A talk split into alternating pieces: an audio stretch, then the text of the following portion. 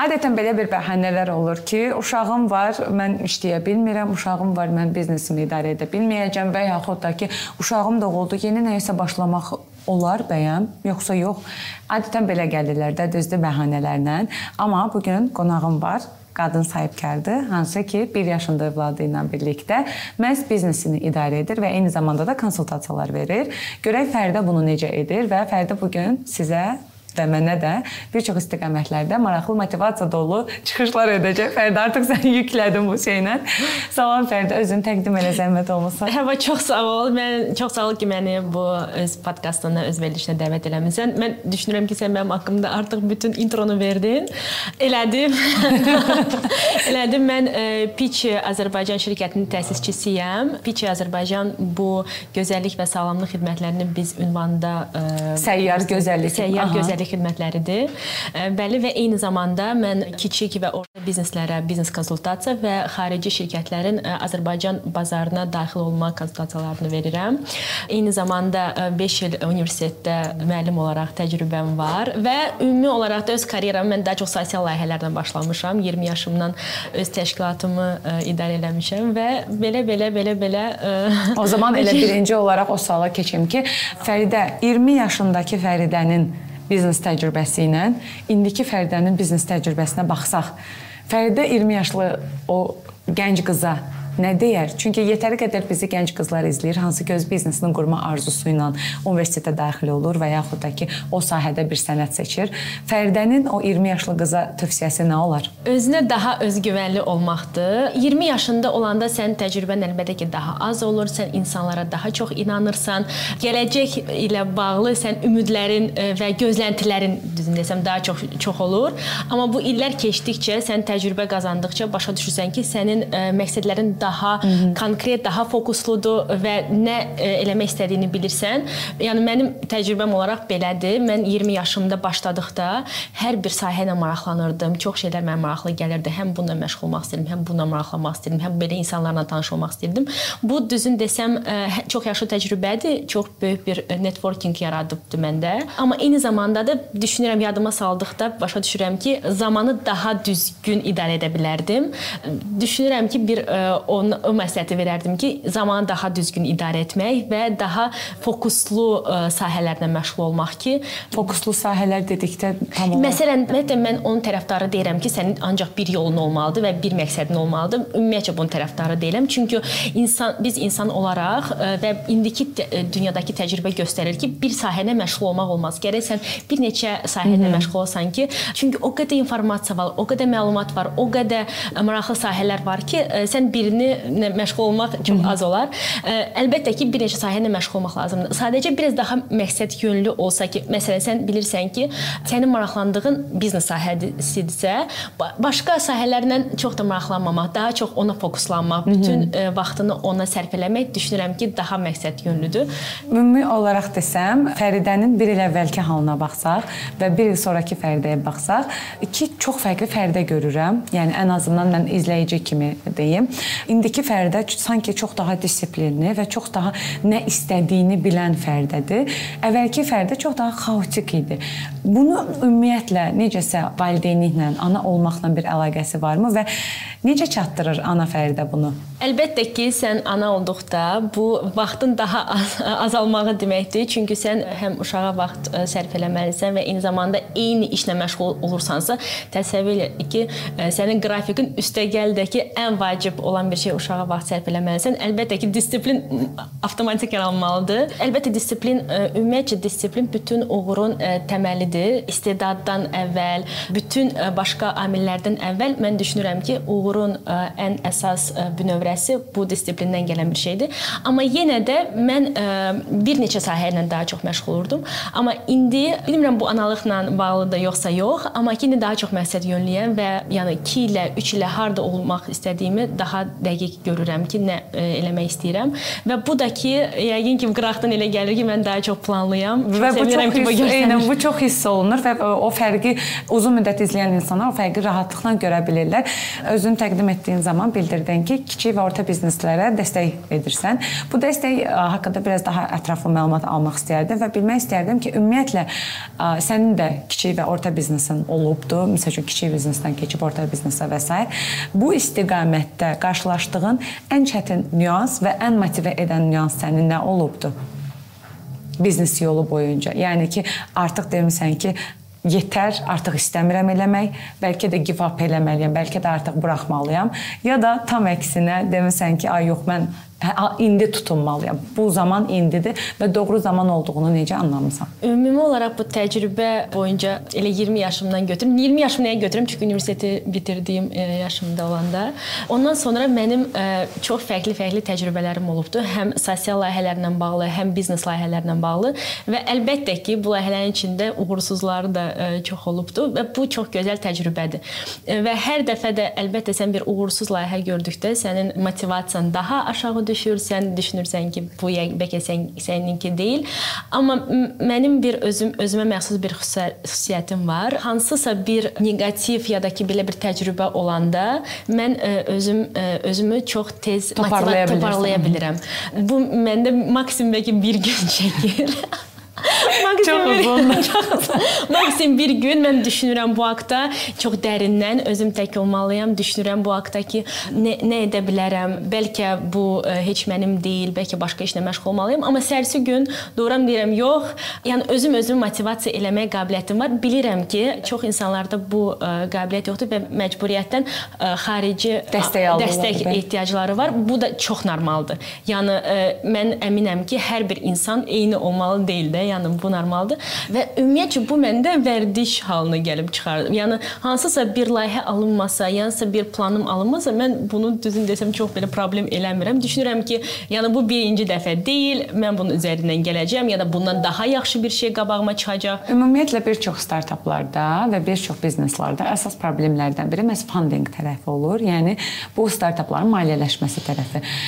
Fəridə bu maliyyələşmələri axtararkən və yaxud da bu yolda olarkən ən çox e, qarşılaşdığı çətinliklər nələrdən ibarət? Yəni olubmu ki, o an ki, demisən ki, mən geri çəkilməliyəm. Əlbəttə, ümumi olaraq hələ ki bu biraz ə, e, boşluq olan hissədir startap ekosistemində Azərbaycanda ki, ə, e, bizdə angel mələk investorlar ə, sistemi hələ ki puxtələşməyibdi. Eyni zamanda ümumiyyətcə investorlar anlamı biraz çox ə, hələ ki hələ ki o istədiyimiz səviyyədə deyil. Ona görə bizim ə, daha çox lokal layihələr çalışırlar ki, xarici investisiya cəlb eləsinlər.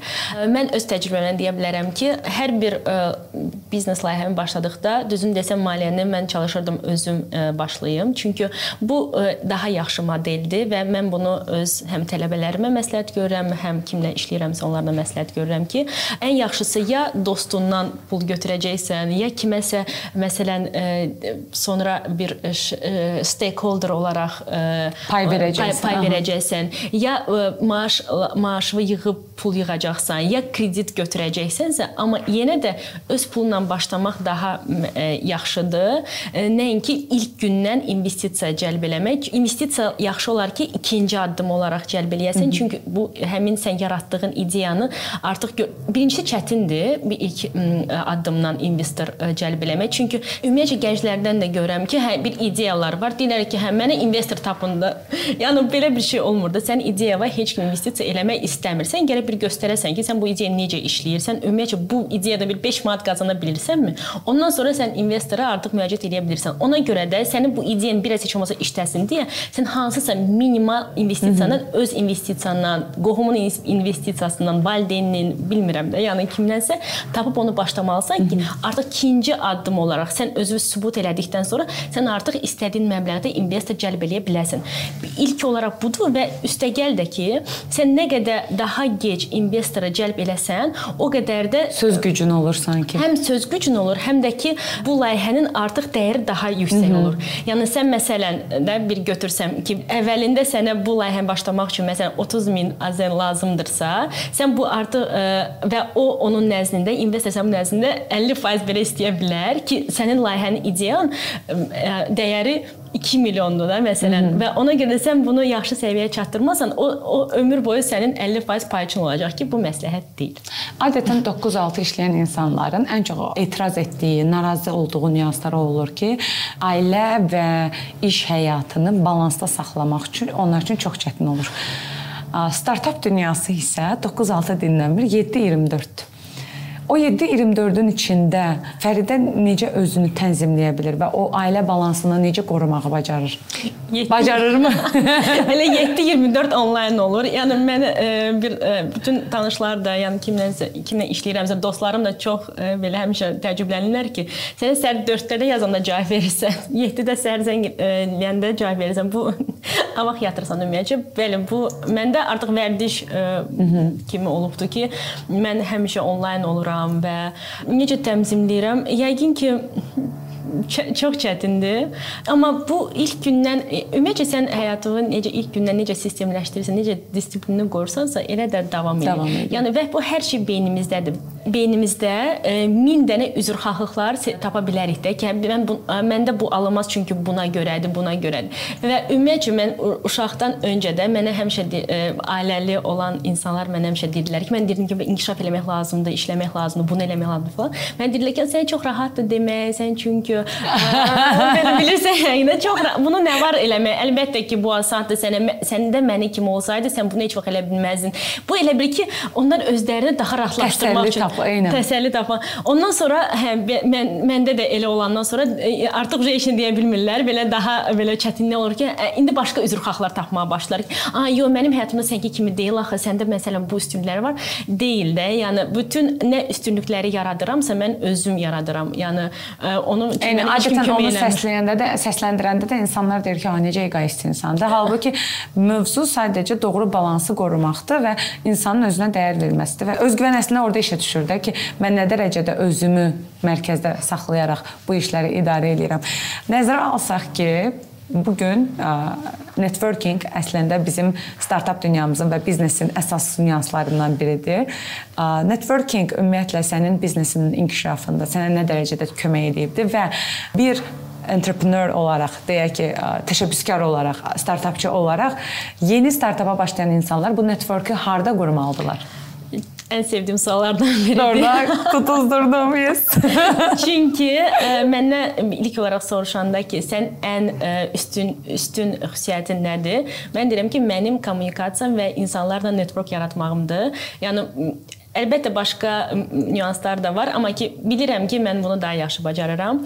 Ən vacib bir şey disiplindən sonra ən vacib bir şey bu network yaratmaqdır. Çünki ə, e, ola bilər ki, sən çox istedadlı olarsan, sənin ə, e, işin çox əla olsun, biznesin əla olsun, hər şey super olsun, amma sən heç kimi tanımırsansa bu heç kimə lazım deyil. Yes, Ona görə ümumiyyətcə bütün dünyada bu vacibdir, tək Azərbaycanda deyil və çox vaxt insanlar ə, e, bunu biraz başqa cür qələmə verirlər ki, sənə asandır da, ya sən onu tanıyırdın deyə ona görə o sənə kömək elədi. Bəs mən onu tanımağım üçün bu çox böyük bir ə, yoldur da, özü yoldur. də. Eynən. Ümumiyyətcə bir hansısa networking belə bir bazası, insan bazası yaratmaq ki, onları sən ə, nəinki tanıyırsan, etibar tan edirlər. Etibar e etibarını qazanmaq bu çox çətin bir şeydir Hı -hı. və düşünürəm ki, ə, hər bir insan ümumi olaraq karyera qurmaq istəyirsə, fərqi yoxdur hansı sahədə, mütləq öz çevrəsini ə, böyütməlidir və nə qədər də çox uğurlu insanla sən ə, öz ətrafını sayını böyütsən, o qədər də sənin uğurlu daha olmağın da da, daha da artır. Yəni şansları daha da artır. Bəs və, onu necə və harda qurmalıdır bu startapçı? Startapçı olmasın, olsun bütün hansı bir sahədə məşğul olsa fərqi yoxdur. İnsanlarla söhbət eləməkdə. İndi çox mən sevinirəm ki, məsələn 10 il bundan əvvəl heç belə bir nə klublar, nə görüşlər, belə bir şeylər yox idi ki, biznes görüşlər olsun, insanlar bir-birlərinə görüşmək istəsinlər. Yəni indi çoxalıb. Mən bu çox sevindirici haldır və ümumi, ümumi olaraq da gənclərdə görürəm ki, onların toplan yəni toplantısı çoxalıbdı. Elə deyildi əvvəllər. Və mən düşünürəm ki, yəni daha çox ə, sosial mediada olub ə, başqalarının həyatlarını məsələn çox maraqlanmaqdansa ən yaxşısı gedib çıxıb offlayn insanlarla görüşmək daha yaxşı yes, olar. Offlayn görüşlər zaten ə, onun güclü tərəfi də odur ki, insanı birbaşa tət-a-tət tanıyırsan, nəinki sosialda. Çünki təəssüflər olsun ki, sosial mediada heç də hər kəs olduğu kimi deyil və bunu da bir neçə dəfələrlə o görürük və Azərbaycan ümumiyyətlə çox balaca bir ölkədir ki, çox rahatlıqla hər kəsi tanıyasan, təəssüflər olsun ki. Və son olaraq da sualıma keçmək istəyirəm ki, hal-hazırda öz startapını böyütmək və yaxud da öz biznesini başlamağı düşünən, amma buna cəsarət etməyən qadınlara tövsiyen nə olar? Hardan başlasınlar? ya da Fəridə necə başlamışdı?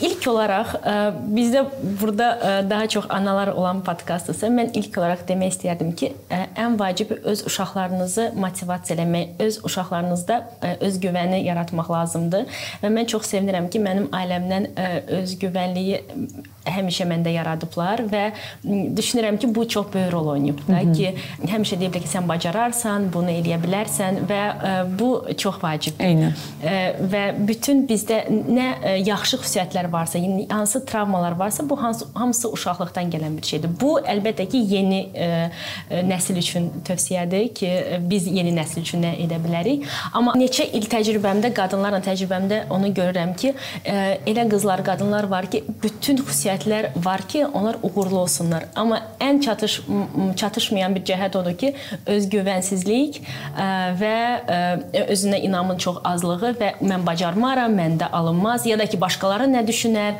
ailəm nə fikirləşər, ailəm mənə dəstək olmur.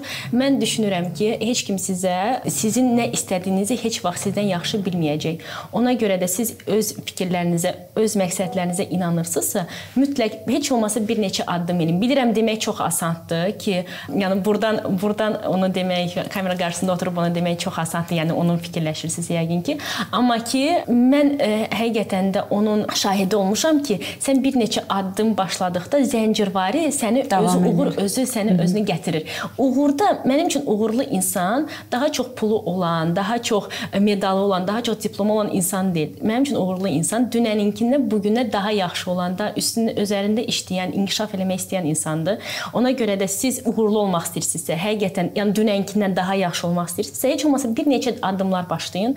Məncə bu məsələdir. Sheryl Sandbergin də dediyi kimi deyir ki, müsahibələrindən birində deməli belə bir vakansiya yaranır ki, bu vakansiyaya həm kişilər, həm qadınlar müraciət edirlər və bu arada Sheryl Sandberg Facebook-un səhv etmirəmsə maliyyəçilərindən biri olub və onun belə bir kitabı var, Fəallıqdan qorxma.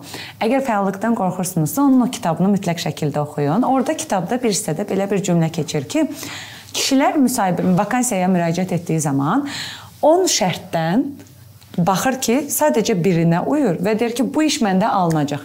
Qadınlar isə vakansiyaya müraciət etdiyi zaman 10 şərtdən 8-inə uyur, ikisinə uymur və o ikisində ilişib qalır ki, birdən o hissədən soruşarlar və mən bunu bilmərəm, yox mən hələ buna uyğun deyiləm, buna layiq deyiləm.